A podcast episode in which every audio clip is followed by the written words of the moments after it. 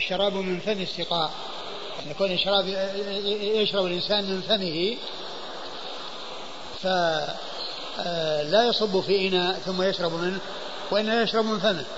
الأصل والذي هو لا شك فيه أنه يصب في إناء ويشرب منه.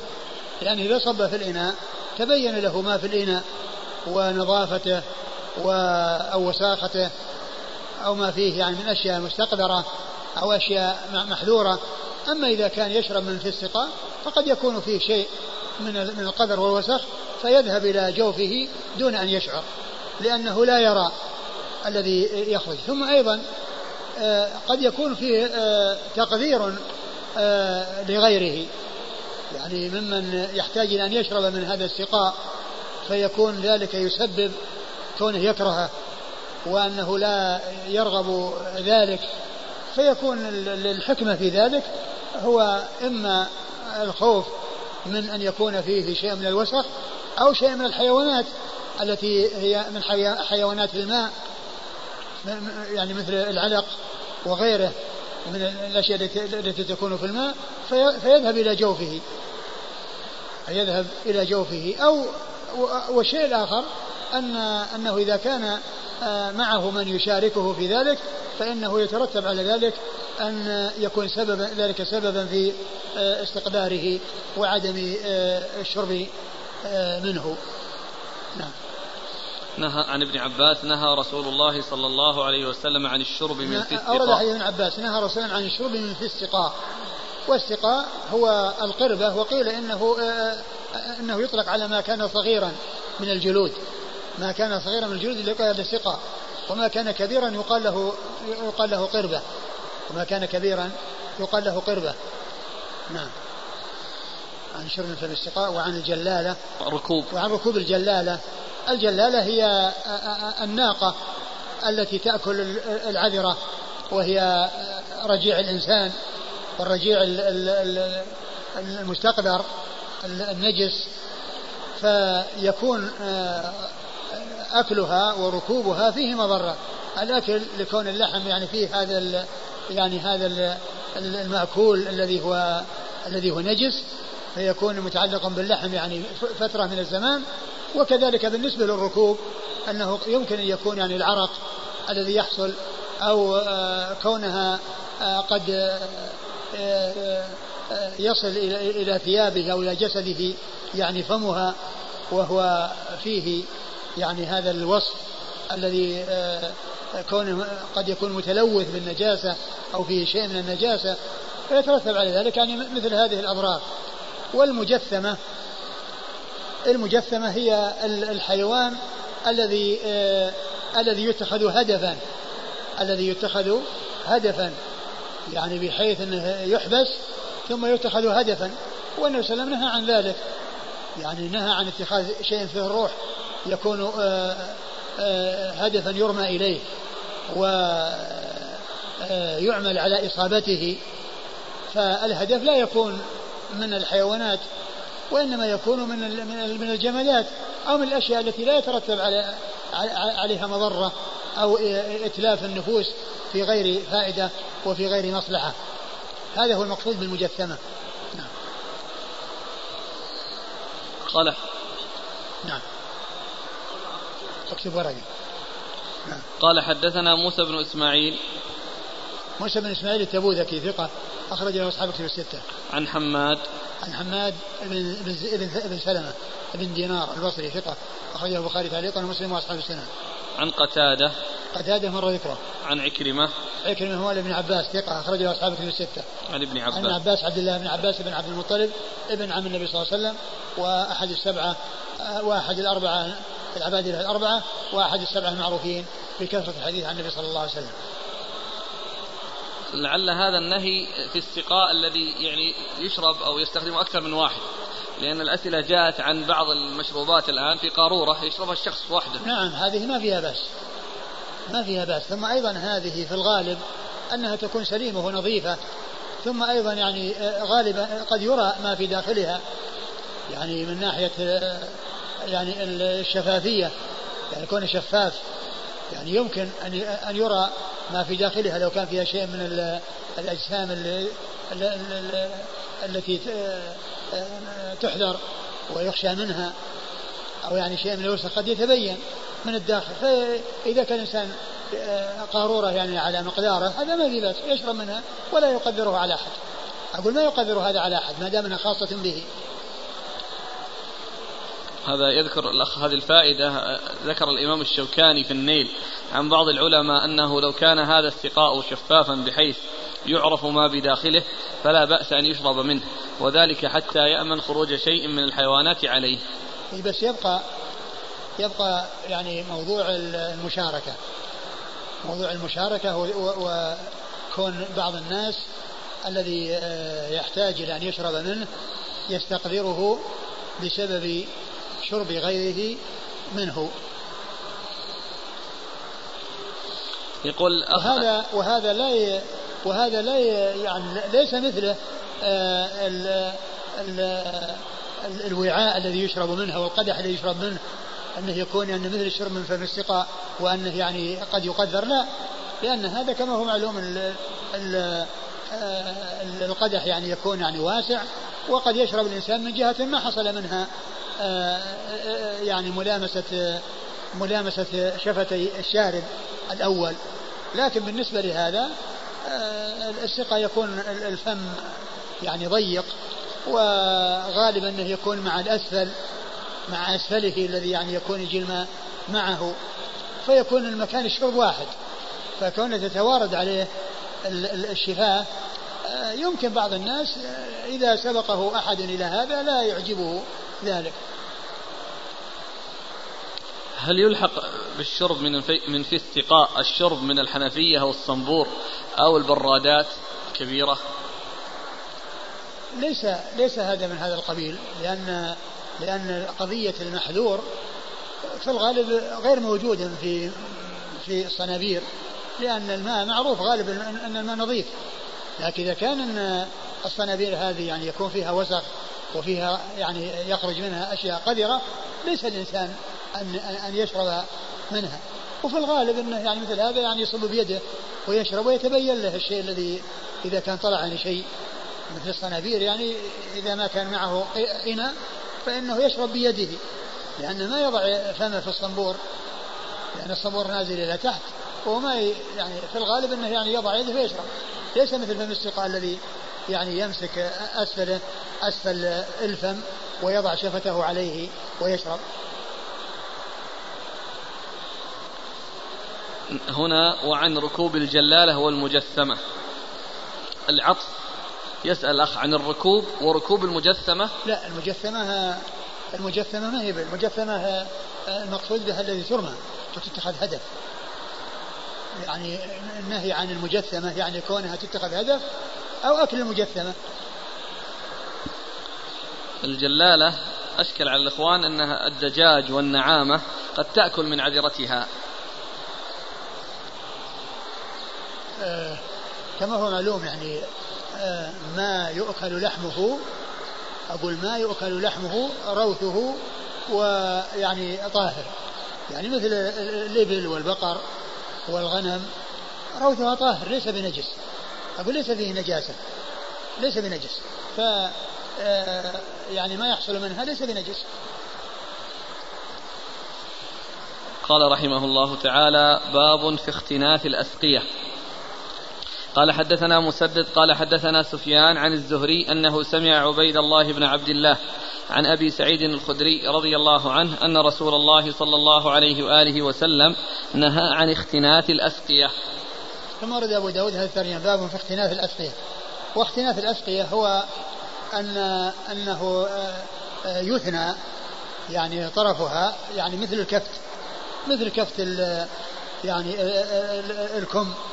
يعني بحيث انه يكون اطرافه ترجع إلى وراء ثم يطلع يعني شيء منعطف قد يعني ثني وصار الداخل من الذي ثني من من يعني من من خارج السقاء أقول من خارج السقاء والداخل يعني فيه الثني الذي هو الذي هو الانخناث خلاف الأسقية فنهى رسول الله صلى الله عليه وسلم عن ذلك وقيل الحكمة في ذلك أنه يعني ينتن أو أنه يعني يكون سببا في يعني في, في, في الإنتان. ومن ناحية الشرب هو مثل الشرب من فم السقاء. النتيجة واحدة من ناحية الشرب.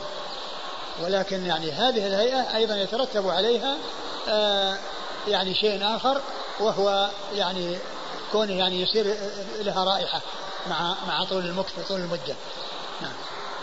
يعني نهاه عن الثني بدل الربط يعني بدل ما يربط الفم يثنيه. لا. يعني مو ربط لأن هذا يعني مفتوح ولكنه ثني. وهو, وهو باق على فتحته. لكن يمكن يربط مع ثنيه. أقول حتى مع ثنيه. مسألة الربط يمكن. وش المقصد أجل؟ يثنيه ليش؟ وش ال... بس يعني كأنه يمكن للشرب يمكن يشرب معه. يمكن يشرب منه. بهذه الطريقة. يعني يثنيه ليشرب منه يعني بدل ما يصير ليصير أسهل. ليصير أسهل للشرب. ولا يعني يتدفق عليه بقوة. ولا ولا وكذلك يعني لأن إذا كان أنه طرف طرف الجلد يعني يصير فيه فيه خشونة وكذا بخلاف إذا كان معطوف ومثني فإنه يصير يعني أسهل للشارع. أن الشرب من فم السقاء جاء النهي عنه بانخناث أو بعدم انخناث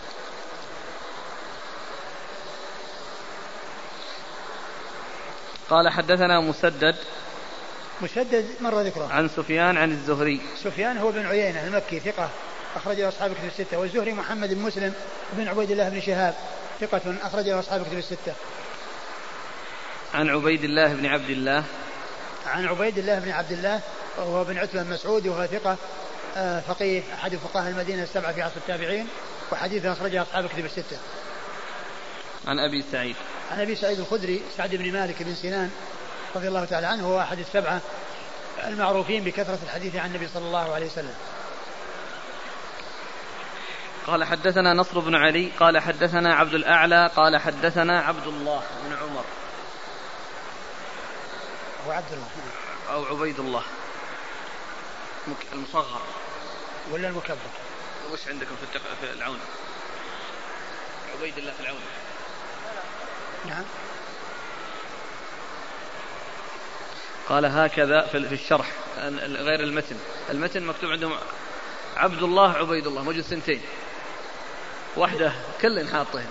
مع بعض. مع بعض. قال أخبرنا عبيد الله عبد الله بن عمر. واحدة بين قوسين؟ واحدة بين قوسين اللي هي عبد الله. ثم في في الشرح يقول العظيم بادي عبيد الله بن عمر هكذا عبيد الله مصغرا في بعض النسخ. وهو إمام ثقة وفي بعض النسخ عبد الله مكبر وهو ضعيف. والمنذري رجح نسخة المكبر كما يظهر من كلامه الآتي والله أعلم. و... و... وكذلك أبو داود آه، شو اسمه الترمذي. يعني ذكر عبد الله وأنه يعني وأنه وأنه ضعيف وضعف به. والألباني ضعف الحديث. ويمكن من أجل هذا الذي هو آه، المكبر هذا. وين أترجم؟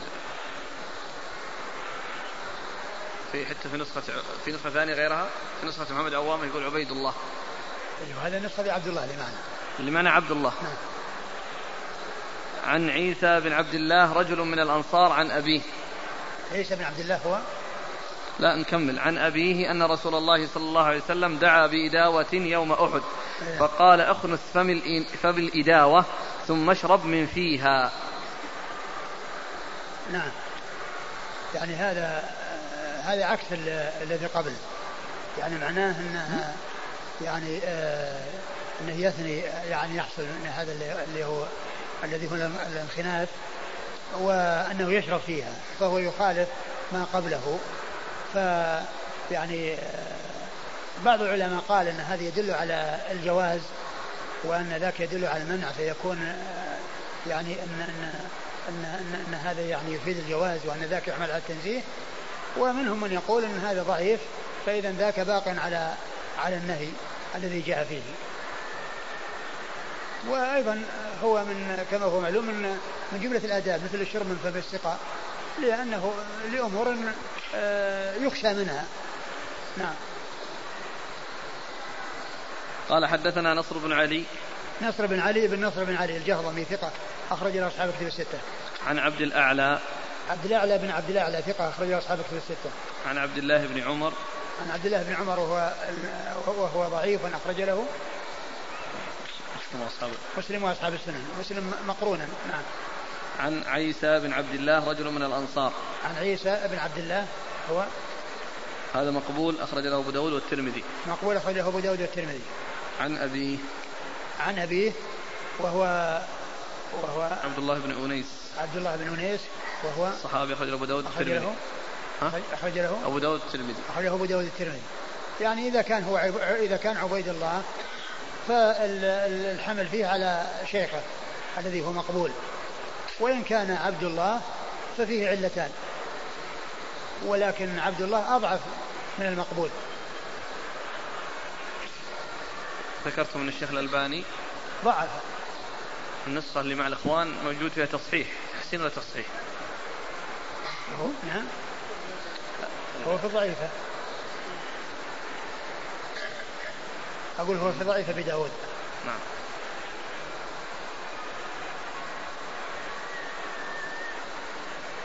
نعم نعم.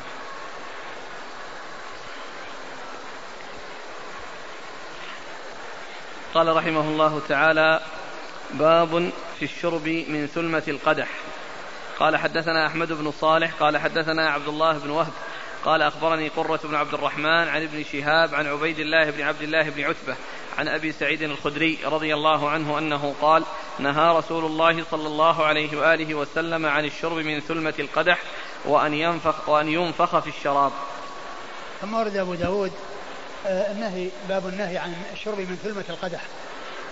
وثلمة القدح هي الكسر الذي يكون في آه، أحد جوانبه من آه، من أعلاه. الذي يعني يكون يعني توضع عليه الشفاه للشرب فيكون يعني انكسر فحصل ثلمة في بعض الجوانب ولم يبقى على هيئته المستقيمة التي يكون أعلاه متساوي ومستقيم يعني حصل فيه ثلمة وهي كسرة سقطت منه فصار يعني فيه هذا العيب وهذا النقص. وأورد أبو داود حديث أبي سعيد. نعم. أنه نهى عن الشرب من ثلمة القدح. وقيل في تعليل ذلك أن الإنسان إذا شرب من الثلمة أنه ما يستقر الماء ويسلم من من, من أن كونه يعني ينساب ويخرج. لأن الشفاه ما تمسك مثل ما تمسك في الجوانب لأنه قد يخرج يعني شيء من تحت الشفاه فيتساقط على ثوب الإنسان وعلى وعلى أسفل وعلى لحية الإنسان والشيء الذي تحت فمه. و وأيضا قيل أنها لا يمكن لا يحصل تنظيفها كما يحصل تنظيف الباقي فيكون فيها تجمع الوسخ. ويمكن أيضا أن يقال أنها قد يكون فيها شيء حاد. يعني فيكون يعني يجرح يجرح الإنسان إذا كان الكسر أو مكان الكسر فيه يعني حادا قد يكون ذلك سبب في أنه يجرح بخلاف فوهة القدح الذي يكون متساوي ويكون سليم ما فيه يعني شيء من من, كونه حاد. الثلمة يعني يكون قد يكون فيها شيء من الحد الذي به ينجرح أو يحصل الجرح للإنسان. فالحاصل أن النهي عن الثلمة يعني يترتب عليه الشر من الثلمة الذي نهى عنه الرسول صلى الله عليه وسلم يحصل فيه عدة أمور محذورة. نعم. وإيش والثاني وأن ينفخ في الشراب. وأن ينفخ في الشراب. وأن ينفخ في الشراب. لا سيما إذا كان الشراب يعني مشترك فكون الإنسان ينفخ فيه يقدره على غيره.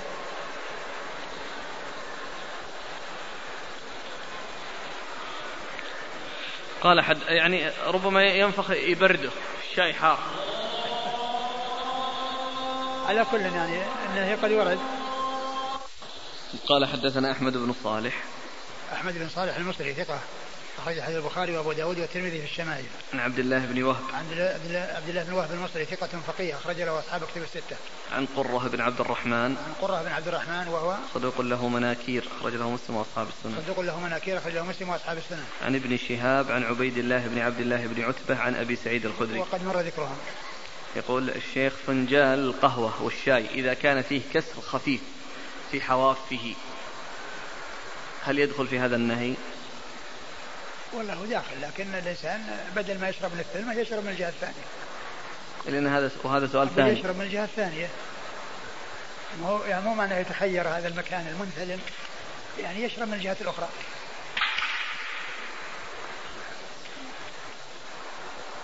يقول الأخ لو سمحت أعد سؤال النفخ في الشاي فإننا لم نسمع جواب الشيخ. النفخ في, في, في الشراب جاء في هذا الحديث. ولعل الحكمة في ذلك أن فيه يعني تقدير له إذا كان يعني آه، أنه أحد من يشاركه. وإذا كان الإنسان آه، الشراب يخصه مثل آه، كاس الشاي أو ما إلى ذلك واحتاج الأمر إلى أن يعني يعمل شيء يبرده لعل لعل إن شاء الله لا بأس بذلك لأن لأن التقدير ما ما هو حاصل ثم أيضا يعني هو الذي سيشرب هذا الشيء وهو خاص به وهل يقاس عليه الطعام؟ جاءت الأسئلة عن النفخ في الطعام. لا الطعام إذا كان إنه, إنه مشترك يعني كما هو معلوم ليس لأحد وأما كون اللقمة يعني وكذا لكن اللقمة كما هو معلوم الفم آه، الحار يتحمل الحار ما لا تحمله اليد.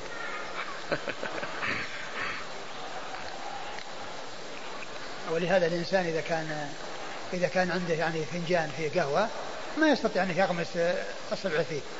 لكنه يصب في فمه ولا يعني يحس به كما تحس الأصبع.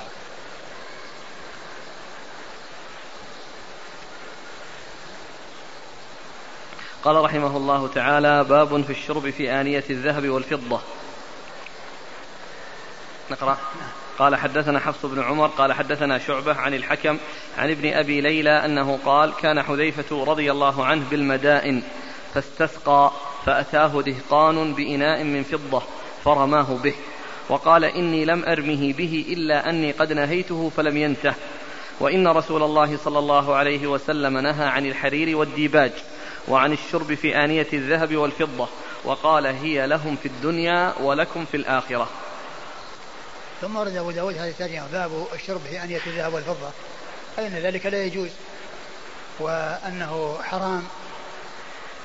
وذلك لا يجوز في حق الرجال والنساء.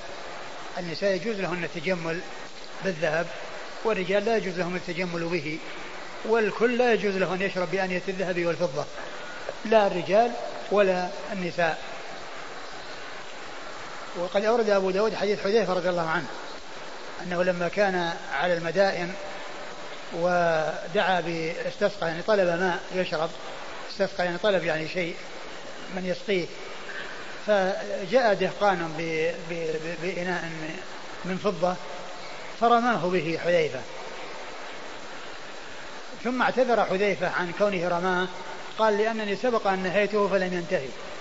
وهذا يفيد بأن بأن من حصل منه تكرار المخالفة يغلظ عليه بالقول ويعامل ما لا يعامل الذي حصل منه في الابتداء والذي حصل منه في الابتداء يعني كون الشيء يتكرر ويحصل النهي ثم يعود إليه فهو رماه به. آه، منكرا صنيعه وقد سبق له أن منعه من ذلك فكيف لم يمتنع وقد حصل؟ فاعتذر حذيفة رضي الله عنه بذلك ثم قال إن النبي صلى الله عليه وسلم؟ قال هي لهم في الدنيا ولك قبلها. نهى الرسول صلى الله عليه وسلم عن الحرير والديباج. نهى عن الحرير والديباج. الديباج هو نوع من الحرير فهو عام. فالحرير يعني عام والديباج خاص لأنه نوع من أنواع الحرير. نعم. وعن الشرب في آنية الذهب والفضة. وعن الشرب في آنية الذهب والفضة وهذا محل الشاهد. وقال هي لهم في الدنيا أي للكفار ولنا في الآخرة. وليس معنى ذلك أنها لهم أنها مباحة لهم وأنها محلل محللة لهم في الشريعة بل هي محرمة على هي محرمة في الشريعة على كل أحد. فلا يقال أن هذا فيه دليل على أن الكفار غير مخاطبين في فروع الشريعة وأن لهم أن يشربوا. لأن النبي صلى لأن النبي صلى الله عليه وسلم لما قال لهم ما قال إنها حلال لهم وإنما إخبار بالواقع. أنهم هم يستعملونها في الدنيا لأنهم لا يحللون ولا يحرمون ولنا في الآخرة لأننا نتركها في الدنيا من أجل امتثال ما جاء عن الرسول صلى الله عليه وسلم. فتكون لنا آنية في الدار الآخرة. فإذا قوله لهم ليس معنى أنها حلال لهم وإنما هذا بيان للواقع أنهم يستعملونها وواقعهم أنهم يستعملونها. قال حدثنا حفص بن عمر.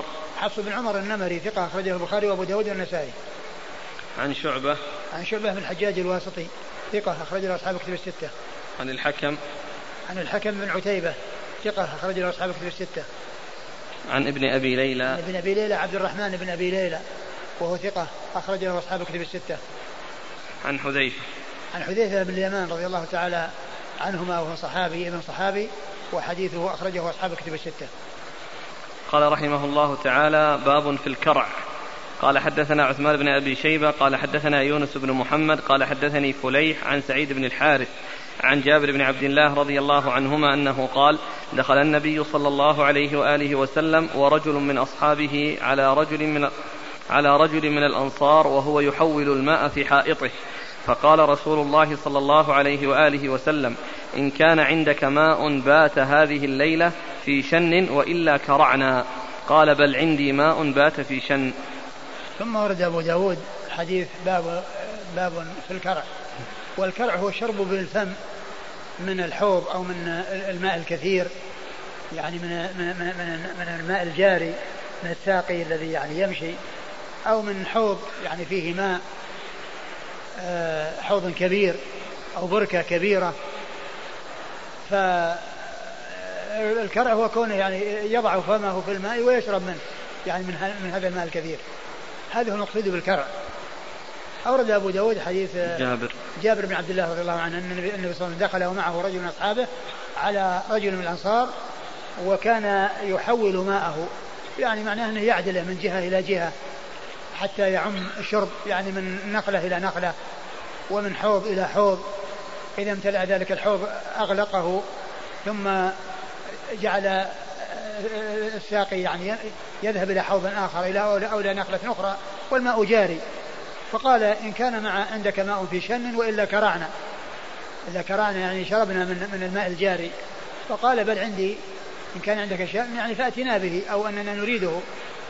فقال عندي ماء في شن والشن هو القربة آه وفي الغالب أنها تكون قديمة والمقصود من ذلك أنه يعني أن فيه يصير برودة وأنه يكون باردا حيث يكون في شن.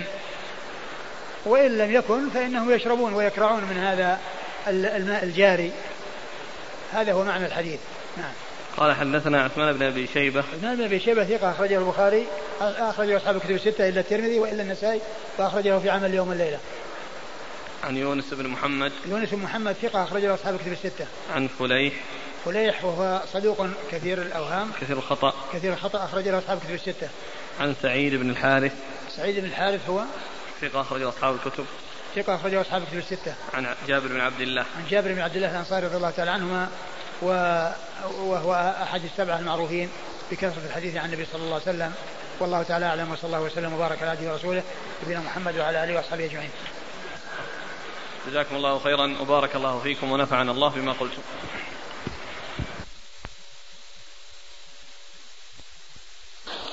بسم الله الرحمن الرحيم. الحمد لله رب العالمين. والصلاة والسلام على عبد الله ورسوله نبينا محمد وعلى آله وصحبه أجمعين. أما بعد قال الإمام أبو داود السجستاني يرحمه الله تعالى باب في الساقي متى يشرب. قال حدثنا مسلم بن إبراهيم قال حدثنا شعبة عن أبي المختار عن عبد الله بن أبي أوفى رضي الله عنهما أن النبي صلى الله عليه وآله وسلم قال ساقي القوم آخرهم شربا. بسم الله الرحمن الرحيم. الحمد لله رب العالمين وصلى الله وسلم وبارك على عبده ورسوله نبينا محمد وعلى آله وأصحابه أجمعين. أما بعد فيقول الإمام أبو داود السجستاني رحمه الله تعالى باب في ساق القوم متى يشرب. أي أن الذي يسقي الناس هل يشرب في أولهم أو في وسطهم أو في آخرهم؟ والسنة جاءت بأنه يكون الآخر. لا يشرب في الأول لأن الشرب في الأول كون فيه استئثار وفيه آه، أيضا شيء من عدم الأدب. والخلق الكريم أن يكون الساقي هو الآخر ما يكون هو الأول. ولهذا جاء الحديث عن رسول الله عليه الصلاة والسلام عن عبد الله بن أبي أوفى أنه أن النبي صلى الله عليه وسلم قال ساق القوم آخرهم شربا. وجاء في صحيح مسلم عن آه، أبي قتادة أنه قال إن ساق القوم آخرهم. فالحاصل أن الشرب من الساقي يكون في الآخر ولا يكون في الأول ولا يكون في الوسط وإنما يكون في النهاية وهذا هو الذي فيه الأدب وفيه عدم الاستئثار وعدم الشره نعم. قال حدثنا مسلم بن إبراهيم. مسلم بن إبراهيم الفراهيدي ثقة أخرج له أصحاب كتب الستة. عن شعبة. شعبة بن الحجاج الواسطي ثم البصري ثقة أخرج له أصحاب كتب الستة. عن أبي المختار. عن أبي المختار وهو مقبول أخرجه أبو داود. لا هو سفيان بن المختار. سفيان بن المختار. يعني كنيته توافق اسم أبيه. وهو مقبول أخرج له أبو داود. عن عبد الله بن أبي أوفى. عن عبد الله بن أبي أوفى رضي الله عنه رضي الله تعالى عنه وهو صحابي أخرج له أصحاب كتب الستة.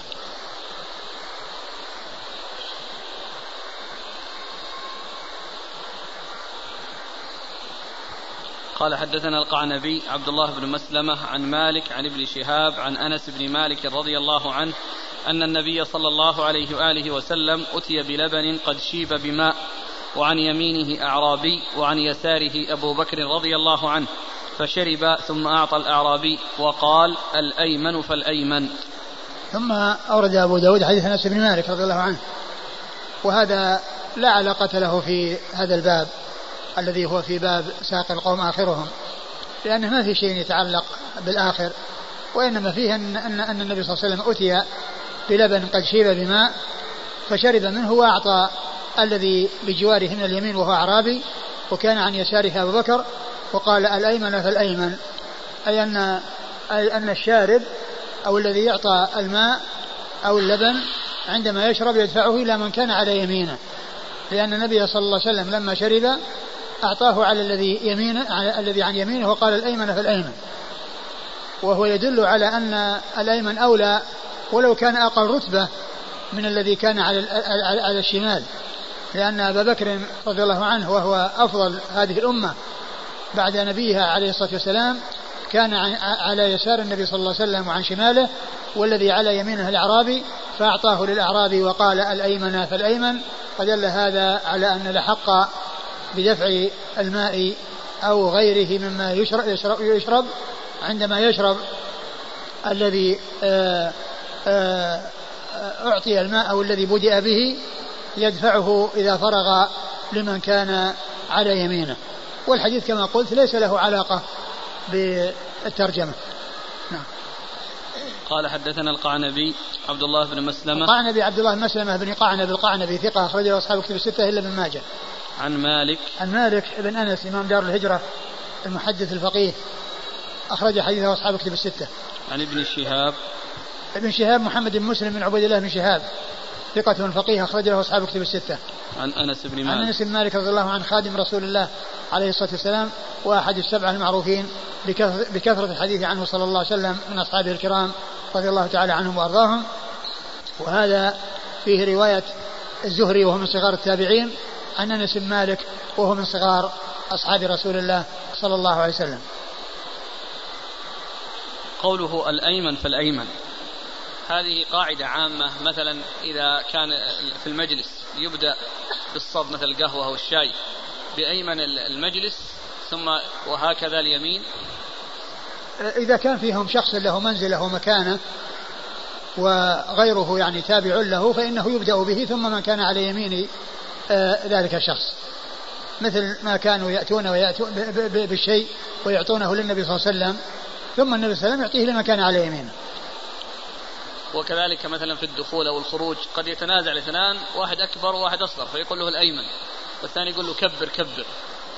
على كل إذا إذا إذا آه إذا بعضهم قدم بعضا إذا بعضهم قدم بعضا حتى ذاك لو لو أن اللي على الشمال اللي على اليمين وقال اعطه لفلان آه، يعطى له. ما في مشكلة. أقول لا إشكال. لكن هذه تكون سنة قصدي أن الأيمن في الأيمن سنة في كل فعل. إذا الرسول كان يعجبه التيمم وكان يعطي للأيمن والأيمن صاحب الحق. لكن عندما آه، آه، الشخص الذي له الحق آه، أذن لغيره أو أعطى هذا الحق لغيره فإن له ذلك. قال حدثنا مسلم بن إبراهيم قال حدثنا هشام عن أبي عصام عن أنس بن مالك رضي الله عنه أن النبي صلى الله عليه وسلم كان إذا شرب تنفس ثلاثا وقال هو أهنأ وأمرأ وأبرأ. ثم ورد أبو داود حديث أنس أن النبي صلى الله عليه وسلم كان إذا تنفس إذا شرب تنفس ثلاثا وقال إنه أهنأ وأمرأ وأبرأ. والمقصود أنه تنفس ثلاثا خارج الاناء يعني انه لا يتنفس في الإناء ولكنه يشرب في ثلاث انفاس ما يشرب في نفس واحد أو نفسين وإنما يجعله في ثلاثة بحيث يشرب ثم ينحي الإناء عن عن فمه ثم يعيده فيشرب الثانية ثم يعيده فيشرب الثالثة.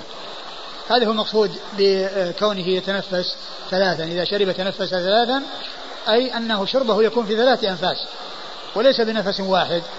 والتنف وتلك الأنفاس إنما تكون خارج الإناء بحيث ينحيه عن آه، فمه ثم يعود إليه وهكذا. فكان إذا تنفس إذا إذا شرب تنفس ثلاثا وقال إنه أهنأ وأمرأ وأبرأ.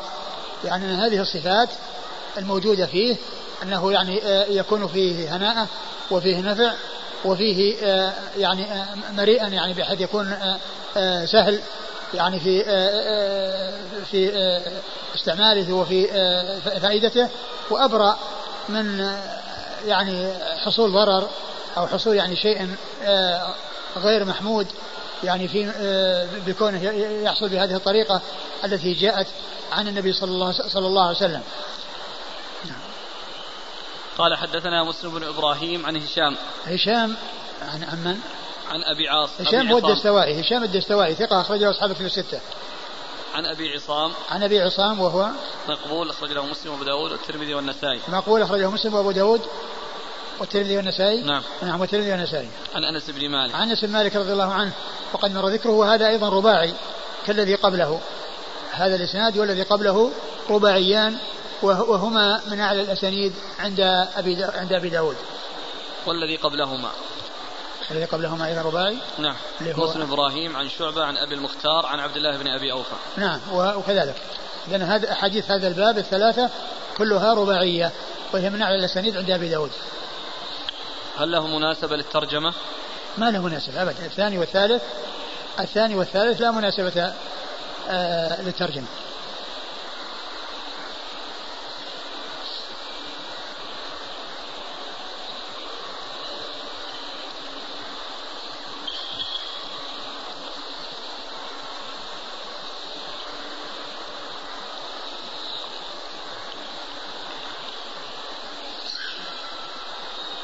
الحديث الثاني يذكر أحد الإخوة أنه أليس له وجه في المناسبة أنه كان الساقي آخرهم لأنه قدمه للنبي صلى الله عليه وسلم ثم أعطاه الأعرابي عن يمينه ثم بعد ذلك بس ما في شيء يدل على أنه هو الآخر ما يدرى. يعني هو يجلس في الآخر ولا يجلس في الوسط ولا يجلس في اليمين ولا يجلس في الشمال ما في شيء يدل على هذا. لأنه إذا جلس يعني في مجلس من المجالس سيأتيه الدور على حسب الترتيب.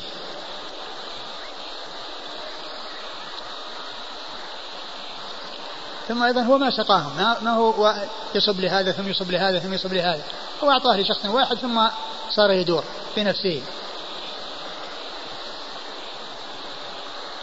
قال رحمه الله تعالى باب في النفخ في الشراب والتنفس فيه.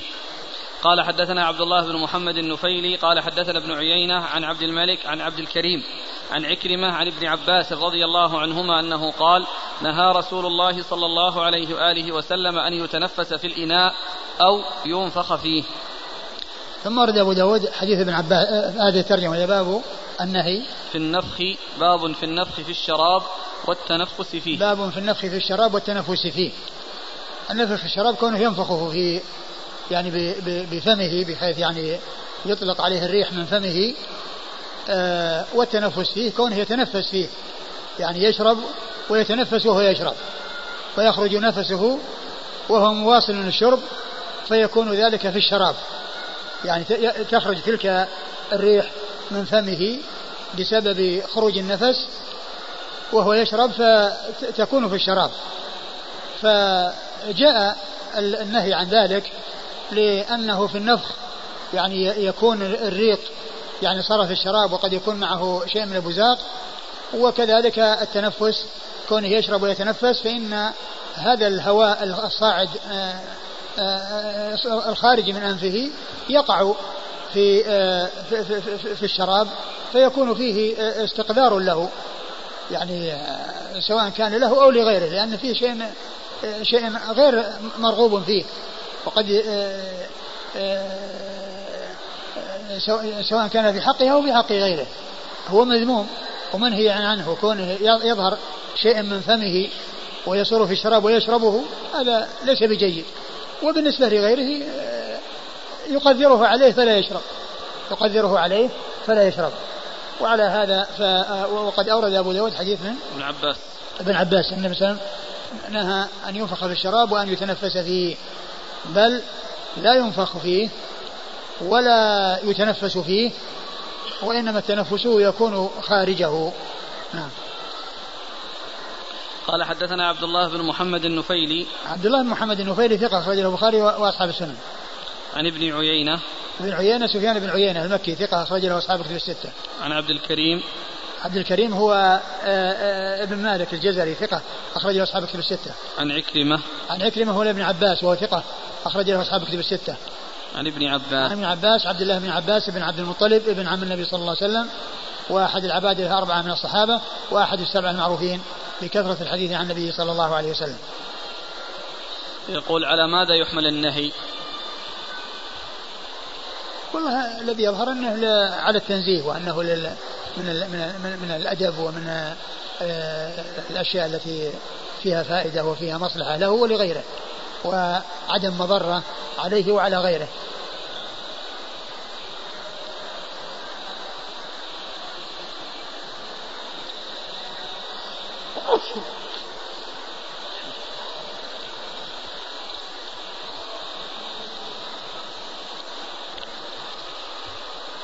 قال حدثنا حفص بن عمر قال حدثنا شعبة عن يزيد بن خمير عن عبد الله بن بسر رضي الله عنهما من بني سليم قال جاء رسول الله صلى الله عليه وآله وسلم إلى أبي فنزل عليه فقدم إليه طعاما فذكر حيثا أتاه به ثم أتاه بشراب فشرب فناول من على يمينه وأكل تمرا فجعل يلقي النوى على ظهر إصبعيه السبابة والوسطى فلما قام قام أبي فأخذ بلجام دابته فقال ادعوا الله لي.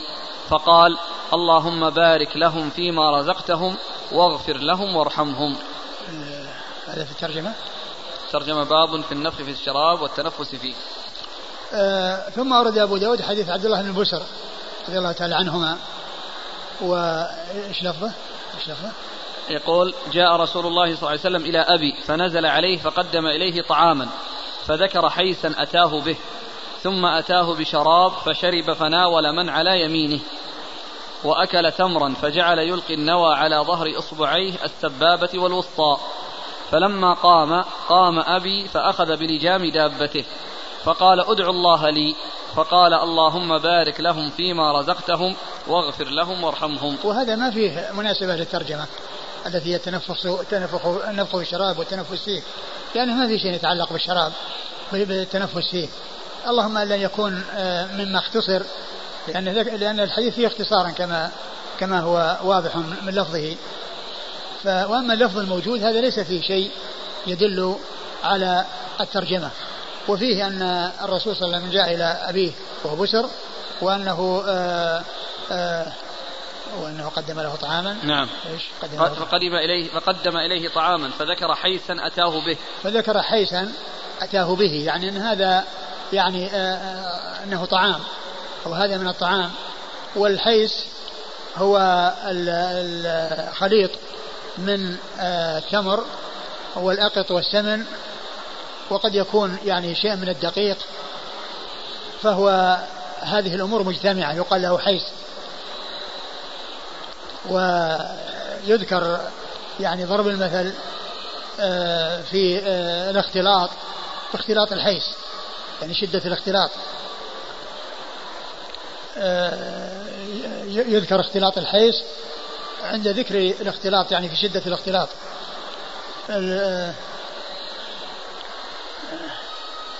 في أبيات وردت في هذا يقول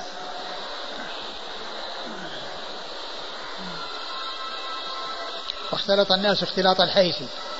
واختلط الناس اختلاط الحيس. واختلط الناس اختلاط الحيس. ودعت الروم أبا في قيس. يعني معناها أنها حصل الاختلاط والامتزاج تشبيها باختلاط الحيس. يعني بشدة آه، امتزاجه ببعضه. وهو مكون من هذه الأشياء الثلاثة التي هي التمر والدقيق التمر والأقط والسمن أو أو الدقيق. قدم له حيسا أتى نعم. ثم أتاه بشراب فشرب فناول من على يمينه. ثم أتاه بشراب فناول على من عن يمينه. وهذا مثل الذي قبله فيما يتعلق بأعطاه قال الأيمن فالأيمن. نعم. وأكل تمرا فجعل يلقي النوى على ظهر إصبعيه السبابة والوسطى. وأكل تمرا فجعل يلقي النوى على ظهر إصبعيه السبابة والوسطى. يعني آه، وكأنه يعني آه، يجعل النوى يقع من فمه على ظهر السبابتين. على ظهره على ظهر, على ظهر إصبعيه على ظهر إصبعيه على ظهر إصبعيه السبابة والوسطى. فكأنه يعني يمسك التمر بداخل يده ويضع النوى على خارج الإصبعين فيرميه أو يلقيه. نعم. فلما قد فلما قام قام أبي فأخذ بلجام دابته. فلما قام قام قام أبي اللي هو والده بشر فأخذ بلجام دابته وقال ادعوا الله لنا. فقال اللهم بارك لهم فيما رزقتهم واغفر لهم وارحمهم. وهذا دعاء والرسول صلى الله عليه وسلم قاله بعد هذا الأكل فدل هذا على أنه يدعى به عند آه، أكل الطعام اقتداء برسول الله صلوات الله وسلامه وبركاته عليه. نعم. قال حدثنا حفص بن عمر حفص بن عمر النمري ثقة أخرج حديث البخاري وأبو داود والنسائي. عن شعبة عن يزيد بن خمير. شعبة مر ذكره يزيد بن خمير هو صدوق خرج البخاري في الأدب المفرد ومسلم وأصحاب السنن. صدوق خرجه البخاري في الأدب المفرد ومسلم وأصحاب السنن. عن عبد الله بن بسر. عن عبد الله بن بسر رضي الله عنه وهو صحابي أخرج له أصحاب الكتب. أصحاب الكتب الستة. إيش الإسناد؟ إيش؟ حفص بن عمر عن شعبة عن يزيد بن خمير عن عبد الله بن بسر. إيه، وهذا رباعي أيضا. هذا من الأسانيد العالية عند أبي داود قول العظيم بادي ومطابقة الحديث بالباب أنه لم يلقي النوى الذي خالطه الريق ورطوبة الفم في إناء التمر لئلا يختلط بالتمر فتستقذر به النفس فكيف ينفخ في الشراب والطعام؟ لأن النفخ لا يخلو من بزاق وغيره الذي تستقذر به النفس. الترجمة وش باب في النفخ في الشراب والتنفس فيه. إيش قال إيش قال الترجمه؟ ومطابقة الحديث بالباب. أنه لم يلقي النوى الذي خالطه الريق ورطوبة الفم في إناء التمر. لئلا يختلط بالتمر فتستقذر به النفس. بس يلقى خارج الإناء ما في تلازم إنه يعني إنها ما إنما يضعه لا في الإناء يمكن يضعه في مكان آخر غير الإناء يضعه في مكان آخر غير الإناء هو نعم. هذا. فلما أخرجه خارج الإناء حتى لا تستقذر النفس. إذا من باب أولى أن لا ينفخ الإنسان في الإناء فيقدره على غيره. لأنه يقول لئلا يختلط بالتمر فتستقذر به النفس. هذا ما وضعه. إيه؟ كونه ما وضعه.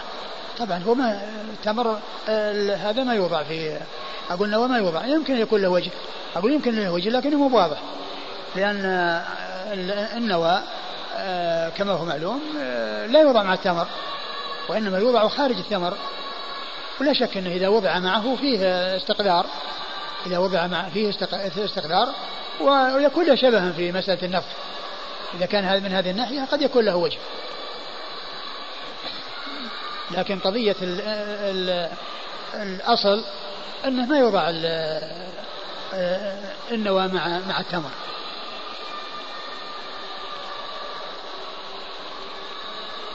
هل يقال أنه من السنة أن يكون إلقاء النوى بالصورة المذكورة في الحديث؟ أم أنه من سنة العادة؟ والله الأمر واسع. أقول الأمر في ذلك واسع.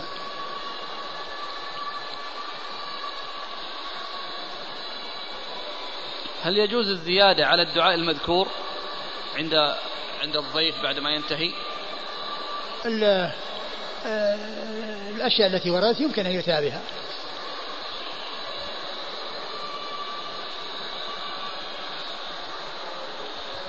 قال رحمه الله تعالى باب ما يقول إذا شرب اللبن قال حدثنا مسدد قال حدثنا حماد يعني بن زيد قال حا وحدثنا موسى بن إسماعيل قال حدثنا حماد يعني بن سلمة عن علي بن زيد عن عمر بن حرملة عن عن ابن عباس رضي الله عنهما أنه قال كنت في بيت ميمونة رضي الله عنها فدخل رسول الله صلى الله عليه وآله وسلم ومعه خالد بن الوليد رضي الله عنه فجاءوا بضبين مشويين على ثمامتين فتبزق رسول الله صلى الله عليه وآله وسلم. فقال خالد إخالك تقذره يا رسول الله؟ قال أجل. ثم أتي رسول الله صلى الله عليه وعلى آله وسلم بلبن فشرب. فقال رسول الله صلى الله عليه وعلى آله وسلم إذا أكل أحدكم طعاما فليقل اللهم بارك لنا فيه وأطعمنا خيرا منه. وإذا سقي لبنا فليقل اللهم بارك لنا فيه وزدنا منه فإنه ليس شيء يجزئ من الطعام والشراب إلا اللبن. قال أبو داود هذا لفظ مسدد. ثم ورد أبو داود باب ما يقول إذا شرب لبنا فإنه يقول اللهم بارك لنا فيه وزدنا منه. وهذا اختص به آه، اللبن عن غيره. وبين أنه آه، يجزي عن الطعام والشراب يعني وأنه غذاء وأنه يمكن أن يغني عن غيره. وأورد أبو داود حديث حديث ابن عباس. حديث ابن عباس. قال كنت في بيت كنت ميمونة في ميمونة وهي خالته. ميمونة آه، أم المؤمنين خالة ابن عباس. لأن أمه لبابة. لبابة بنت الحارث الهلالية وهي لبابة الكبرى. التي لبابة الصغرى وفي لبابة الكبرى التي هي أم خالد بن الوليد.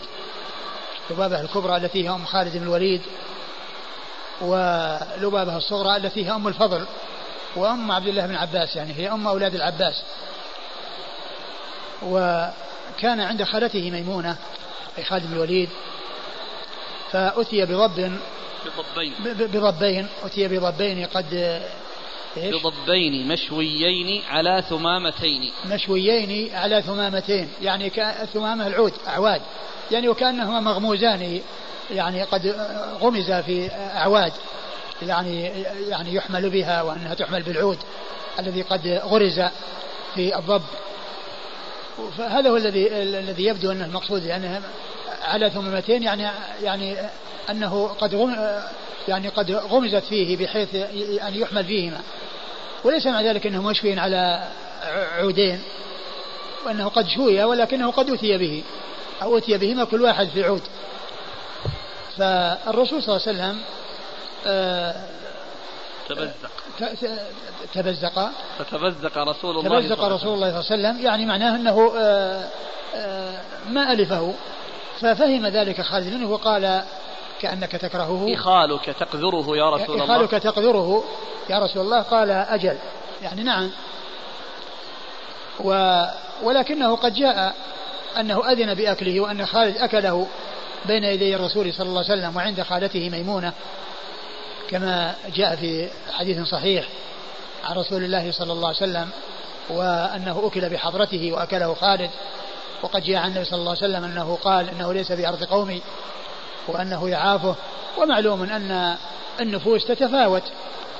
والشيء الحلال والشيء المباح قد تألف النفوس شيئا منه وتكره شيئا وتميل النفوس إلى شيء وتميل عنه نفوس أخرى. فالرسول صلى الله عليه وسلم ما كان يعني ألف ذلك فتركه ولم يأكله ولكنه أكل بين يديه فدل ذلك على جوازه وأن أكله سائغ وجائز ولا محذور فيه ولا مانع. إيش بعده؟ ثم أتي رسول الله صلى الله عليه وسلم بلبن فشرب. فقال صلى الله عليه وسلم إذا أتي بطعام. ها؟ أتي بطعام. كيف يا شيخ؟ ثم أتي بطعام. لا بلبن. نعم بلبن نعم. ثم أتي بلبن نعم. فقال إذا أكل أحدكم طعاما فليقل اللهم بارك لنا فيه وأطعمنا خيرا منه. وإذا سقي لبن فليق لبنا فليقل اللهم بارك لنا فيه وزدنا منه.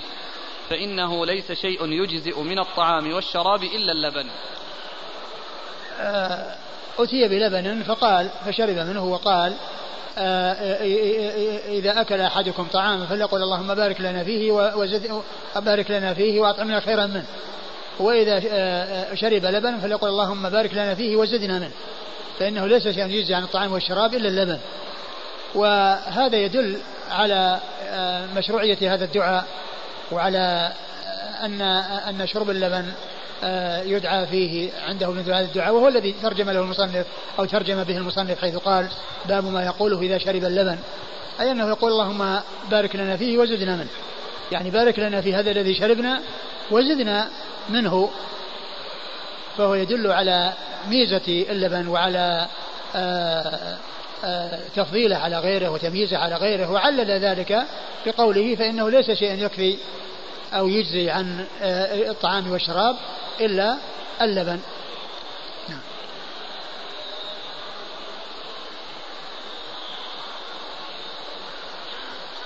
قال حدثنا مسدد مسدد بن مسرح البصري ثقة أخرج حديث البخاري وأبو داود والترمذي والنسائي. عن حماد يعني بن زيد. حماد بن زيد ثقة أخرج له أصحاب كتب الستة. قال حاء وحدثنا موسى بن إسماعيل. حاء للتحول من إسناد إلى إسناد. موسى بن إسماعيل ثقة أخرج له أصحاب كتب الستة. عن حماد يعني بن سلمة. حماد يعني بن سلمة وهو ثقة أخرجه البخاري تعليقا ومسلم وأصحاب السنن عن علي بن زيد. عن علي بن زيد بن جدعان وهو ضعيف أخرج له خالد المفرد ومسلم وأصحاب السنن البخاري في المفرد ومسلم وأصحاب السنن عن عمر بن حرملة. عن عمر بن حرملة وهو مجهول. أخرج له أبو داود والترمذي والنسائي في عمل يوم الليلة. أبو داود والترمذي والنسائي في عمل يوم الليلة. عن ابن عباس. عن ابن عباس عبد الله بن عباس بن عبد المطلب وقد مر ذكره والحديث فيه ضعيف ومجهول. وفيما يتعلق بأكل الضب ثبت في الصحيح وجاء عن النبي صلى الله عليه وسلم في الصحيح في قصة آآ آه، آآ آه، كون النبي عند ميمونة وأنه أتي بضب أو بأضبة وأن آه، خالد الوليد أكله بين يدي الرسول صلى الله عليه وسلم. أما فيما يتعلق بالنسبة للبن فأيضا جاء ما يشهد لذلك وقد ذكر ذلك الشيخ الألباني رحمه الله في السلسلة الصحيحة في رقم 2320 وذكر الشواهد لهذا الحديث. الذكر نفسه؟ أي نعم فيما يتعلق بالذكر وفي نفس ال وفي نفس ال ليس شيء يجزئ عن الطعام والشراب إلا ما أدري بس إنه ذكر إنه يدعو. ما أتذكر لفظه ولكنه شاهد للحديث.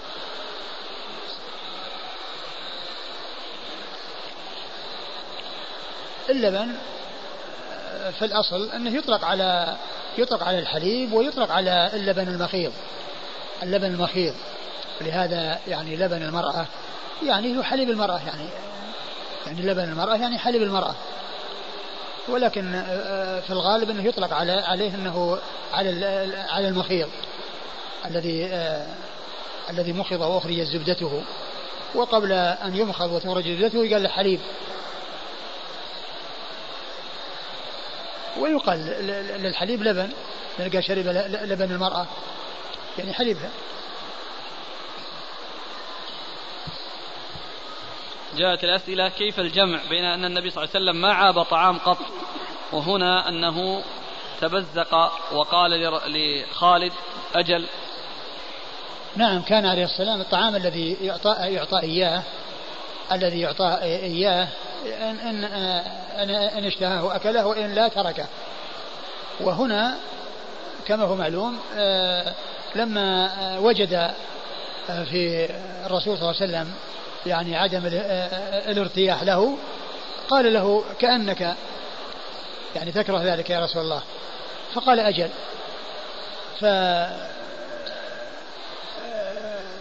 هذا فيه آه، بيان أن أنه شيء مباح ولكن النفس تعافى ومعلوم أن النفوس آه، تختلف. فقد يعجب أناس هذا الطعام وقد لا يعجب من الناس. من يعجبه مثلا لحم الغنم ومنهم من لا يحم الإبل ومنهم من يعجبه لحم البقر ومنهم من لا, لا يأكل هذا أو لا يأكل هذا ومنهم من يأكل الدجاج ومنهم من لا يأكل الدجاج. الناس متفاوتون وكله حلال. وكله مباح. فالرسول صلى الله عليه وسلم ما قدم له شيء ويعني آه، سبه وعابه إن اشتهى كله وإلا تركه. لكنه لما تركه قيل له كأنك كذا قال نعم. وجاء في اعتذاره فيه أنه ليس بأرض قومي فأجدني أعافه هل يقتدى بالنبي صلى الله عليه وسلم في ترك أكل الضب؟ آه الإنسان الذي يشتهيه لا يتركه واللي ما يشتهي يتركه الذي اللي ما يشتهي يتركه. والإنسان الذي آه خالد رضي الله عنه أكل بين يديه صلى الله عليه وسلم. والرسول صلى الله عليه وسلم تركه لأنه يعافه. فالإنسان الذي يعافه يتركه والذي ما يعافه يأكله.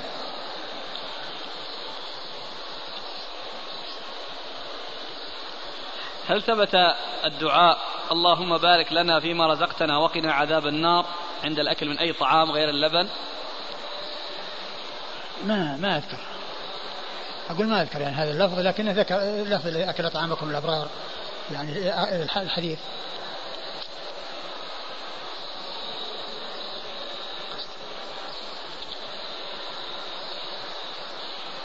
قال رحمه الله تعالى باب في إيكاء الآنية.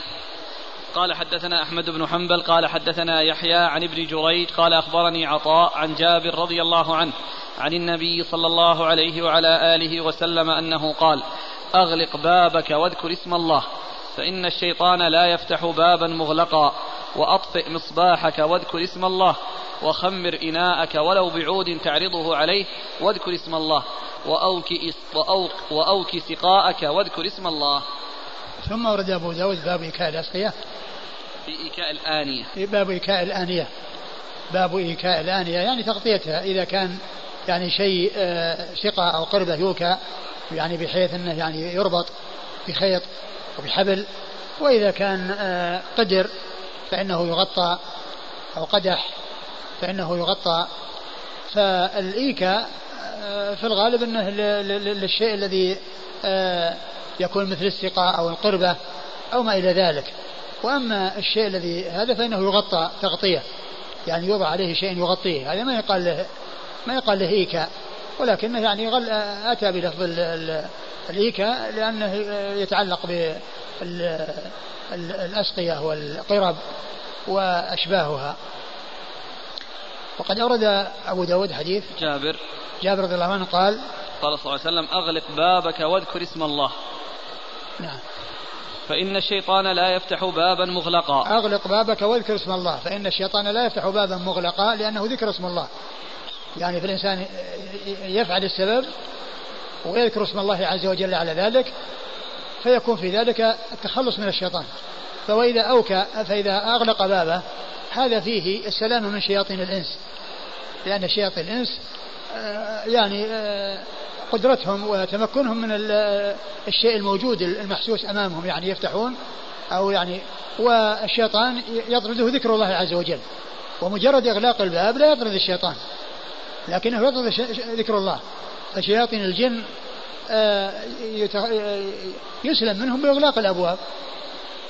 يسلم منهم بإذن الله باغلاق الأبواب وشياطين الجن يسلم منهم بذكر الله عز وجل. فإذا أغلق الباب أغلق الباب وذكر اسم الله عليه فإنه آه، يكون أخذ بالأسباب الواقية والأسباب النافعة. فإن الشيطان لا يفتح بابا مغلقا. يعني بابا ذكر اسم الله عليه. ولهذا جاء في الحديث أن الإنسان إذا دخل بيته وذكر اسم الله قال الشيطان لأتباعه لا يعني لا مبيت لكم.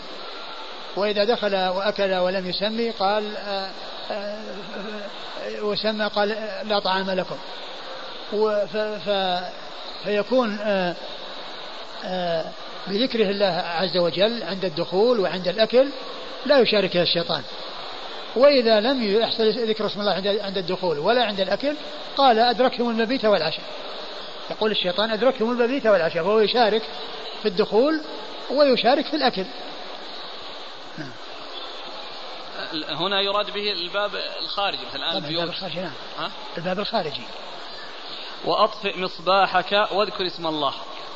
وأطفئ مصباحك واذكر اسم الله اذكر اسم الله. المصباح كان فيما مضى يكون آه يعني آه آه فيه الزيت أو شيء يشتعل به وإذا انكفأ حصل احتراق بسببه. وإذا انكفأ حصل احتراق بسببه. والفويسقة كما جاء في بعض الأحاديث تظلم أو تفسد على أهل الناس يعني يعني بيتهم وشأنهم فتكفى السراج فيحصل احتراق يعني فكان إطفاء السراج من أجل أن لا يأتي مثل الفويسقة التي هي الفارة فتقلبه فيحصل بسببه حريق. هذا هو الذي كان موجود في ذلك الزمان. أما الآن فيوجد اللمبات المضيئة والكهرباء و آه، آه، الناس يعني بين أمرين. من الناس من يرتاح لإغلاق الأنوار وأن يبيت في الظلام ومن الناس من يعجبه أن يبيت في الضياء وأن يكون عنده ضياء بحيث أنه لو استيقظ يعني ينظر إلى الساعة ولا يحتاج إلى أن يقوم ويفتح يقوم من منامه ليفتح فالحاصل أن أن المحذور الذي كان فيما مضى من ناحية إطفاء سبب الإحراق ما هو موجود. اللهم إلا أنه يمكن أن يوجد فيما إذا كان هناك أحمال أو حصل تحمل في بعض اللمبات وتأثر وحصل سخونة وطال المكث فإنه قد يحصل التماس بسبب ذلك فيترتب على ذلك أمور أمور ضارة. مثل ما هو مشاهد ومعاين بعض الأحيان تجد يعني بعض المفاتيح آه، يحصل لها شيء ويحصل التماس بسبب ذلك فيحصل مضرة. فإذا كان شيء من هذا القبيل أو خشي شيء من هذا القبيل آه، يتخلص من المحذور. وإذا كان الناس يحتاجون إلى فتح لمبة وعندهم آه، ألف وأن أنه ما فيه يعني شيء من الخلل فالأمر في ذلك واسع إن شاء الله لأن المحذور الذي خشيه رسول الله صلى الله عليه وسلم يعني غير موجود. في مثل هذه هذه الحال. نعم. وخمر إناءك ولو بعود تعرضه عليه واذكر اسم الله. وخمر إناءك يعني غطه لأن التخمير هو التغطئة ولهذا قيل للخمار خمار لأنه يغطي الوجه والرأس. وقيل للخمر خمر لأنها تغطي العقل تغطي العقل. فقيل للغطاء خمار لأنه يغطي يغطي الشيء الذي الذي يراد تغطيته. قال خمر إناءك يعني غطه. وتغطيته فيها فائدة من جهة أنه ما يأتي حشرات أو يأتي حيوانات ودواب تشرب فيه وتمج فيه وقد تكون من ذوات السموم فيختلط بسم بحيث أنها تأخذ منه وتمج فيه. أو يقع فيه يعني شيء يفسده أو يقع فيه شيء يفسده. فتغطية الطعام فيها مصالح وفيها فوائد تغطية الأواني.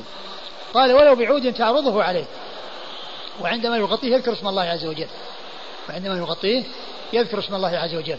لأنه إذا ذكر اسم الله عز وجل حفظ حفظه من الشيطان و آه، وقوله ولو بعود تعرضه عليه قال الحافظ ابن حجر لعل الحكمة في ذلك أن الإنسان يذكر الله يذكر اسم الله على شيء قد فعله.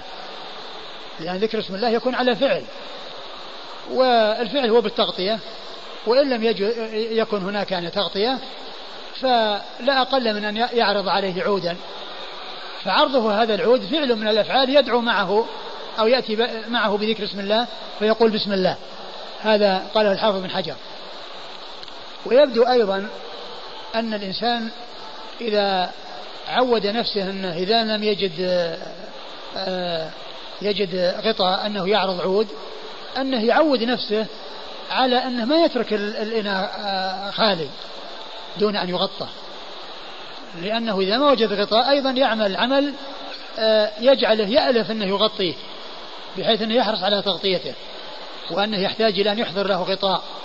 بدلا من أن يعرض, له يعرض عليه عود. فإذا لم يجد له غطاء وعرض عودا يكون آه، بذلك مستمرا على فعل السبب الذي هو التغطية. فلا يكون متهاونا في التغطية لأنه إن لم يجد يفعل هذا الفعل. فيكون بذلك مستمرا على هذا العمل وآلفا لهذا العمل. لأن من يألف الشيء آه، يستمر عليه فيحصل بذلك آه، استمراره على هذا الشيء وعنايته به واهتمامه به فيكون آه، في ذلك آه، تعويد للنفس على الحرص على تغطية الإناء ولو لم يتمكن إلا بأن يعرض عليه العود. ثم أيضا جاء في بعض الأحاديث في صحيح مسلم أن أنه يعني تخمر توكع الأسقية ويخمر الآنية أو تغطى الآنية وقال إنه يأتي ليلة في السنة ينزل فيها وباء لا يترك يعني شيئا مفتوحا يعني إلا دخله فيكون إيكاء الأواني الأسقية وتغطية الأواني يكون فيها السلامة من وقوع هذا الوباء فيه هذا الذي أرشد إليه الرسول صلى الله عليه وسلم. وأوكي سقاءك واذكر اسم الله. وأوكي سقاءك واذكر اسم الله يعني بربطه بالخيط الذي يربط به. وربطه فيه يعني في مصلحته لا يدخل فيه خشاش ولا يدخل فيه أشياء يعني مستقذرة. وأيضا يعني آه، يسلم من آه، بذكر مع ذكر الله عز وجل يسلم من الشيطان. قال حدثنا أحمد بن حنبل. أحمد بن حنبل مر ذكره. عن يحيى. يحيى بن سعيد القطان ثقة أخرج له أصحاب الكتب الستة. عن ابن جريج. ابن جريج عبد الملك بن عبد العزيز بن جريج ثقة أخرج له أصحاب الكتب الستة. عن عطاء عن, عن جابر. عطاء بن أبي رباح ثقة أخرج له أصحاب الكتب الستة. عن جابر رضي الله عنه قد مر ذكره.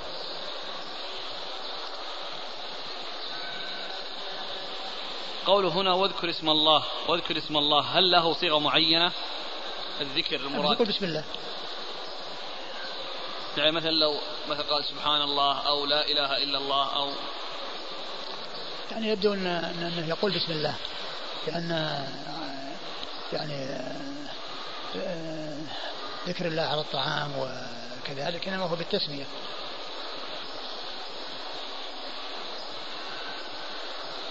كذلك الدخول الإنسان عندما يدخل يقول بسم الله وإذا أكل يقول بسم الله فيمنع الشيطان من المشاركة. فهذا فيه يعني يقول بسم الله يعني فيه طرد الشيطان. نعم. ويكتفي بهذا ما يزيد. بسم الله الرحمن يكفي الرحيم. يكفي, يكفي بسم الله يكفي. إذا كان الإناء مكشوف لكنه في الثلاجة أو في دولاب مثلا هل كذلك يدخل فيه التغطية؟ آه إذا كان أنه في داخل الثلاجة فهو مغطى لكن الأولى الأولى أن يكون مغطى. وإن لم يغطى فإن آه، آه، آه، فإنه يختلف عن غيره. لأن هذا هو في في غطاء لأن غطاء الثلاجة هو غطاء مثل الطعام الذي يكون بغير إناء. أقول بغير إناء. أقول من جنس الطعام الذي يكون بغير إناء موضوع في الثلاجة. فإن الغطاء موجود له غطاء الثلاجة. هل تغطى الآنية وإن لم يكن فيها شيء؟ لا ما تغطى إلا وفيها شيء. إذا كان ما في شيء تغطى على إيش؟ ما فيه محذور لأن ما فيه يعني شيء يخشى. أن يقع فيه يعني أن يقع فيه يعني شيء أو يعني يحصل فيه يعني شيء يكره أو يفسد الذي فيه. هل الشيطان يحتاج إلى فتح باب إذا أراد الدخول؟ أليس يجري من ابن آدم مجرى الدم؟ هو الذي يمنعه كما هو علم ذكر الله. مجرد إغلاق الباب بدون ذكر الله ما يمنع من الشيطان. يمنع من شياطين الإنس. يعني هم الذين ينفع فيهم الأسباب الظاهرة. التي هي يعني أبواب و ويعني آه، شيء آه، يستر ويمنع منهم الشياطين آه، ما يستر عنهم جدران ولا أبواب. إنه يراكم هو قبيله من حيث لا ترونه. هذا يقول يجري, يجري الشيطان من ابن آدم مجرى الدم. ولكن الذي يمنع ذكر الله عز وجل كما جاء في القرآن. وإن وما يلاقاه الذين صبروا وإما ينزغنك من وما يلاقاه الذين صبروا وما يلاقاه الذي ادفع بالتي أحسن.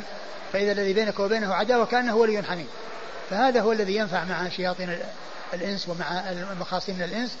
كل إنسان يعامل معاملة طيبة ويقابل السيئة بالحسنة فإن هذا من الأسباب التي تجعل يعني المسيء يندم على إساءته. وأما شياطين الإنس فأرشد الله عز وجل إلى ما يخلص منهم بقوله وإما ينزغنك من الشيطان نزغ فاستعذ بالله إنه هو السميع العليم. يقول هل يمنع شياطين الإنس فتح الباب بذكر اسم الله؟ شياطين الإنس يعني كما هو معلوم آه، يمكن آه، قد يكسر الأبواب. أقول قد يكسر الأبواب. ولا يقال أن, أن, أن الإنسان أنه لا شك أنه ينفع ذكر الله عز وجل ولكن الله عز وجل إذا شاء فإنه يحصل من شياطين الإنس ما يحصل و وقد يكون بكسر الباب. ولو حصل من الإنسان أن سمى فإن الله عز وجل إذا شاء أن يقع يعني وقع ولو ولو حصل أن الإنسان قال بسم الله عندما دخل وأغلق بابه قد يكسر الباب. في رواية مسلم الذي ذكرتم أنه في ليلة من الليالي ينزل الداء. قال الليث فإن الأعاجم عندنا يتقونه في كانون الأول. فهل يعمل بهذا التاريخ؟ لا. الإنسان يعني يوكي ويغطي طول السنة. مو هو يعني ينظر للذي عند الأعاجم ويفعله في شهر من الشهور ويتركه في باقي الشهور.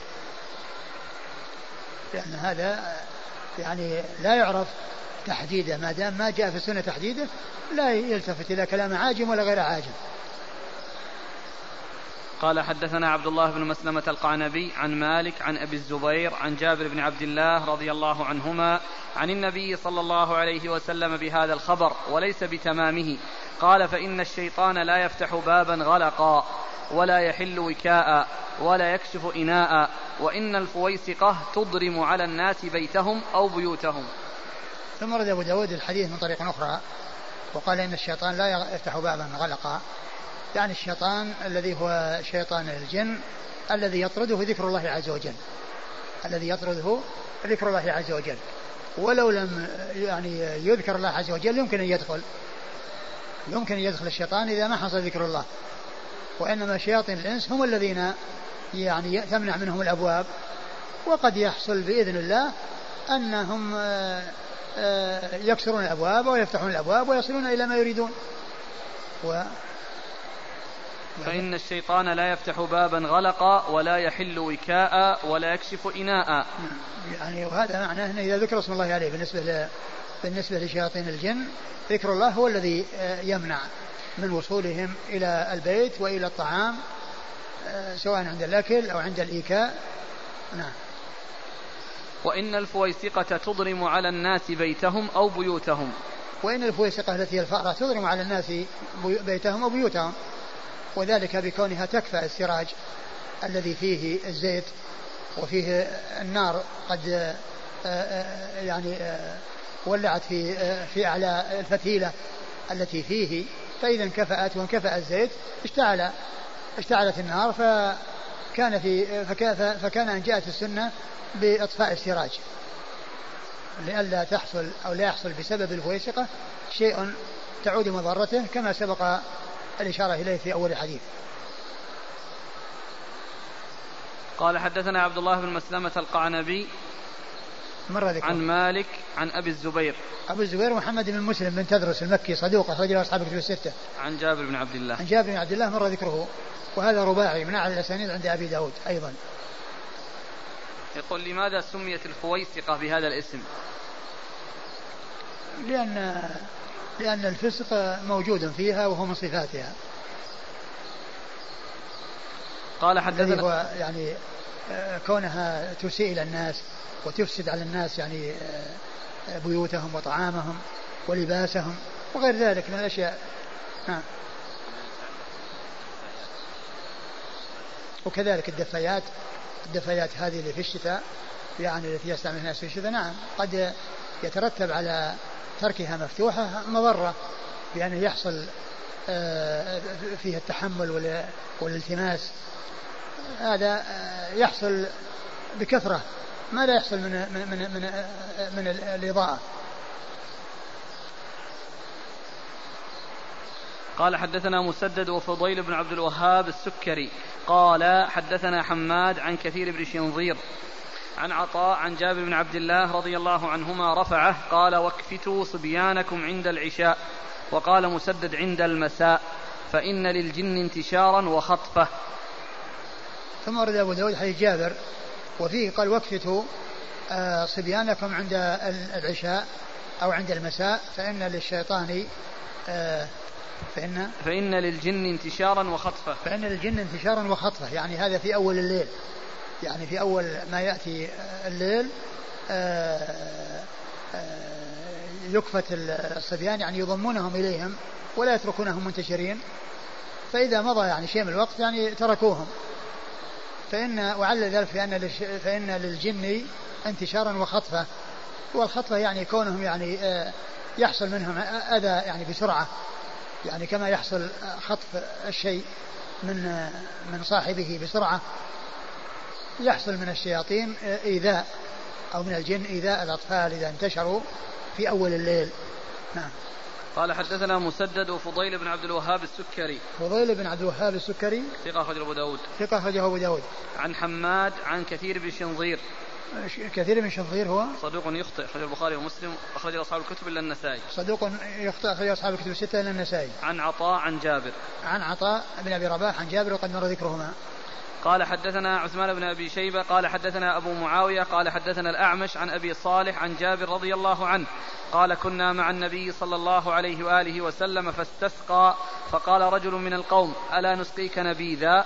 قال بلى قال فخرج الرجل يشتد فجاء بقدح فيه نبيذ فقال النبي صلى الله عليه وآله وسلم ألا خمرته ولو أن تعرض عليه عودا؟ قال أبو داود قال الأصمعي تعرض تعرضه عليه. تعرضه عليه. تعرضه. آه.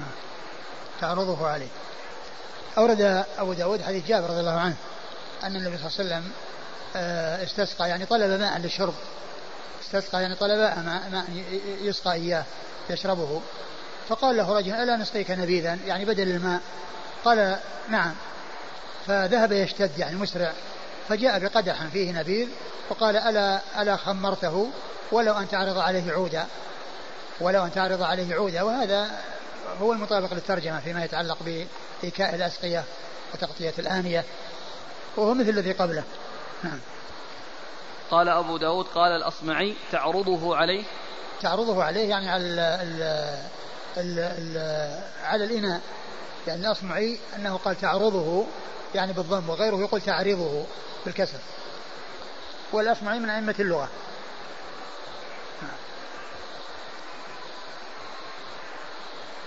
قال حدثنا عثمان بن أبي شيبة عثمان بن أبي شيبة ثقة أخرجه أصحاب في الستة إلا الترمذي وإلا النسائي فأخرجه في عمل اليوم والليله.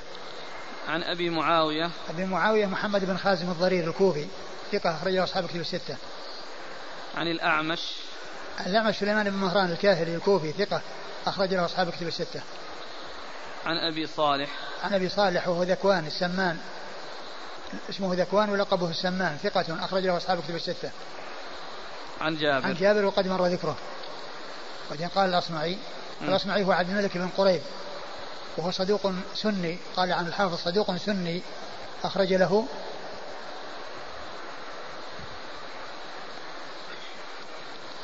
أخرجه البخاري تعليقا وأبو داود.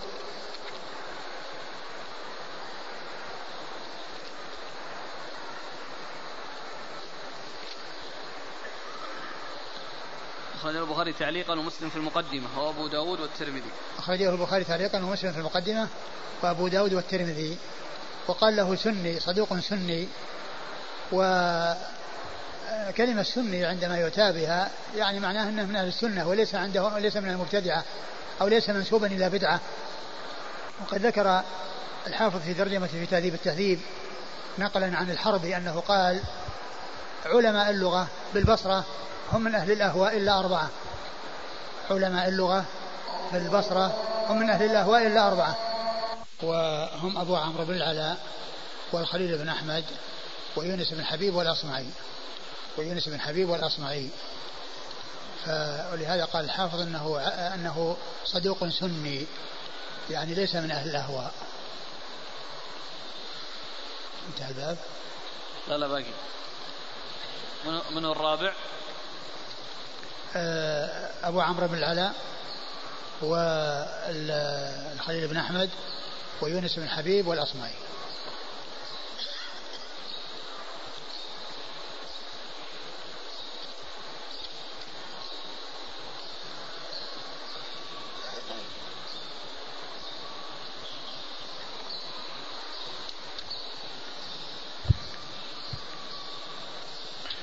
قال حدثنا سعيد بن منصور وعبد الله بن محمد النفيلي وقتيبة بن سعيد قالوا حدثنا عبد العزيز بن محمد عن هشام عن أبيه عن عائشة رضي الله عنها أن النبي صلى الله عليه وعلى آله وسلم كان يستعذب له الماء من بيوت السقيا.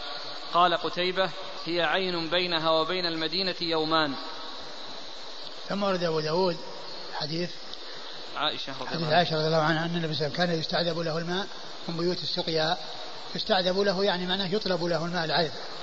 أو يعني يؤتى له بالماء العذب من بيوت السقيا وهي قال قتادة هي مكان.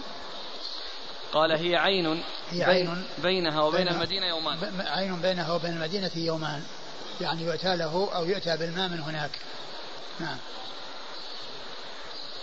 قال وهذا, وهذا في يعني في باب يعني إيكال أسقية ما في يعني شيء ولكنه يعني كما هو معلوم في الغالب أنه يؤتى ب يؤتى بأسقية ويؤتى بقرب ومعنى ذلك أنه مطلوب إيكاؤها نعم. قال حدثنا سعيد بن منصور. سعيد بن منصور ثقة أخرجه أصحاب كتب الستة. وعبد الله بن محمد النفيلي وقتيبة بن سعيد. عبد الله بن محمد النفيلي مر ذكره وقتيبة بن سعيد آه، بن جميل بن طريف البغلاني ثقة أخرجه أصحاب كتب الستة. عن عبد العزيز بن محمد. عبد العزيز بن محمد الدراوردي صدوق أخرجه أصحاب كتب الستة. عن هشام عن أبيه. عن هشام بن عروة وهو ثقة أخرجه أصحاب كتب الستة. عن أبيه عروة بن الزبير وهو ثقة فقيه أخرجه أصحاب كتب الستة. عن عائشة أم المؤمنين رضي الله عنها وأرضاها الصديقة بنت الصديق وهي واحدة من سبعة أشخاص عرفوا بكثرة الحديث عن النبي صلى الله عليه وسلم. انتهى. والله تعالى أعلم وصلى الله وسلم وبارك على عبده ورسوله نبينا محمد وعلى آله وأصحابه أجمعين. جزاكم الله خيرا وبارك الله فيكم ونفعنا الله ما قلتم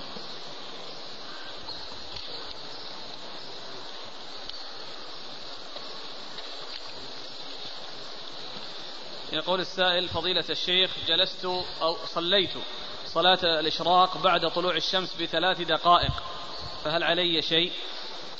ما كان ينبغي أن الإنسان يصلي بعدها بثلاث دقائق بعد بعد طلوع الشمس بل يعني يتريث إلى مقدار عشر دقائق أو قريب من ذلك لأن الثلاث دقائق هي في نفس في نفس طلوع الشمس.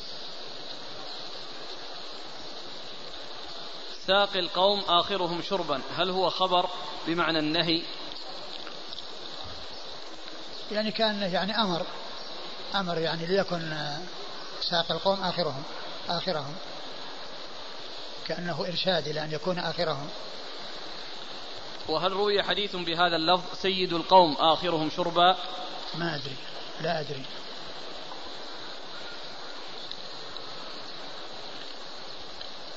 إذا كان الجالس على الشمال هو الضيف فهل يبدأ به؟ آه، الذي إذا كان إذا كان الضيف يبدأ به يبدأ بالضيف ما يبدأ ب ب- ب- ب- بشخص ما هو بالضيف. اللهم إلا أن يكون الشخص يعني الذي يبدأ به له مكانة وله منزلة ولا يتقدم الضيف عليه فإنه يبدأ بذاك ويكون على اليمين. يعني الرسول قال الأيمن فالأيمن. جاءت رواية أن الرسول صلى الله عليه وسلم هو الطالب للبن. فيقال لذلك بدأ به لأنه هو الطالب. وكما هو معلوم لو لو لم يطلب وأتي بشيء فإنه سيبدأ به. لن يبدأ بغيره صلى الله عليه وسلم. أقول لو كان في مجلس وأتي بشيء لن يقدم أحد غيره غيره عليه ولو لم يكن طالبا. مر معنا بعض الأحاديث يذكر أنه ليس لها مناسبة. يقول إذا كان الحديث ليس له مناسبة فلماذا لا يبوب له أبو داود توبيبا جديدا؟ ولماذا يريده في غير مظنته والمقصود من السنن الترتيب على الأبواب. هذا هو, هو الغالب أنه يحصل هذا الشيء ولكنه يحصل في أشياء يسيرة قليلة جدا ولا شك أن أن- أنه كان المناسب أن يبوب لها بحيث يعني شيء يظهره أو الترجمة تكون أوسع أو يكون فيه إشارة بأن يقول وغيره يعني لأن كلمة وغيره يكون فيها مجال لأن يدخل شيء لم ينص عليه. في حالة القراءة على الماء للمريض هل يقرأ بحيث يكون نفسه في الماء أو ينحي الماء عن فمه؟ لا ما النفس هذا كل من يشرب. هذا هو الذي يعني يجي نفسه للماء النفس الذي يظهر من الأنف ولكنه يعني يقرأ ثم ينفث فيه.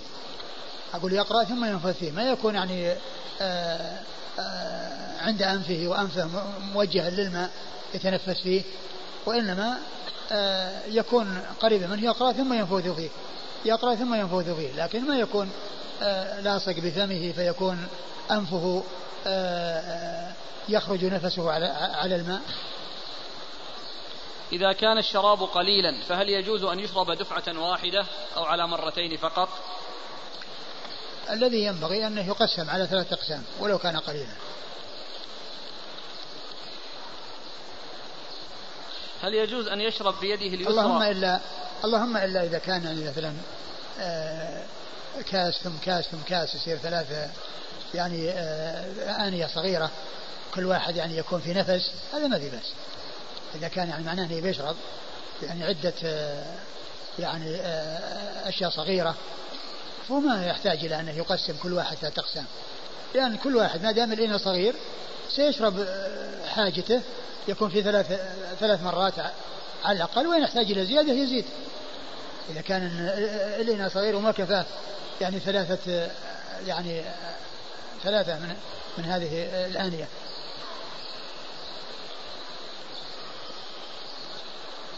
ما حكم طلب الدعاء من الغير؟ سائق لكن الأولى للإنسان أن يكون هو نفسه داعية وأن يكون له صلة بالله عز وجل. ما يكون شأنه أن يطلب الدعاء من الناس. وهو يغفل عن الدعاء.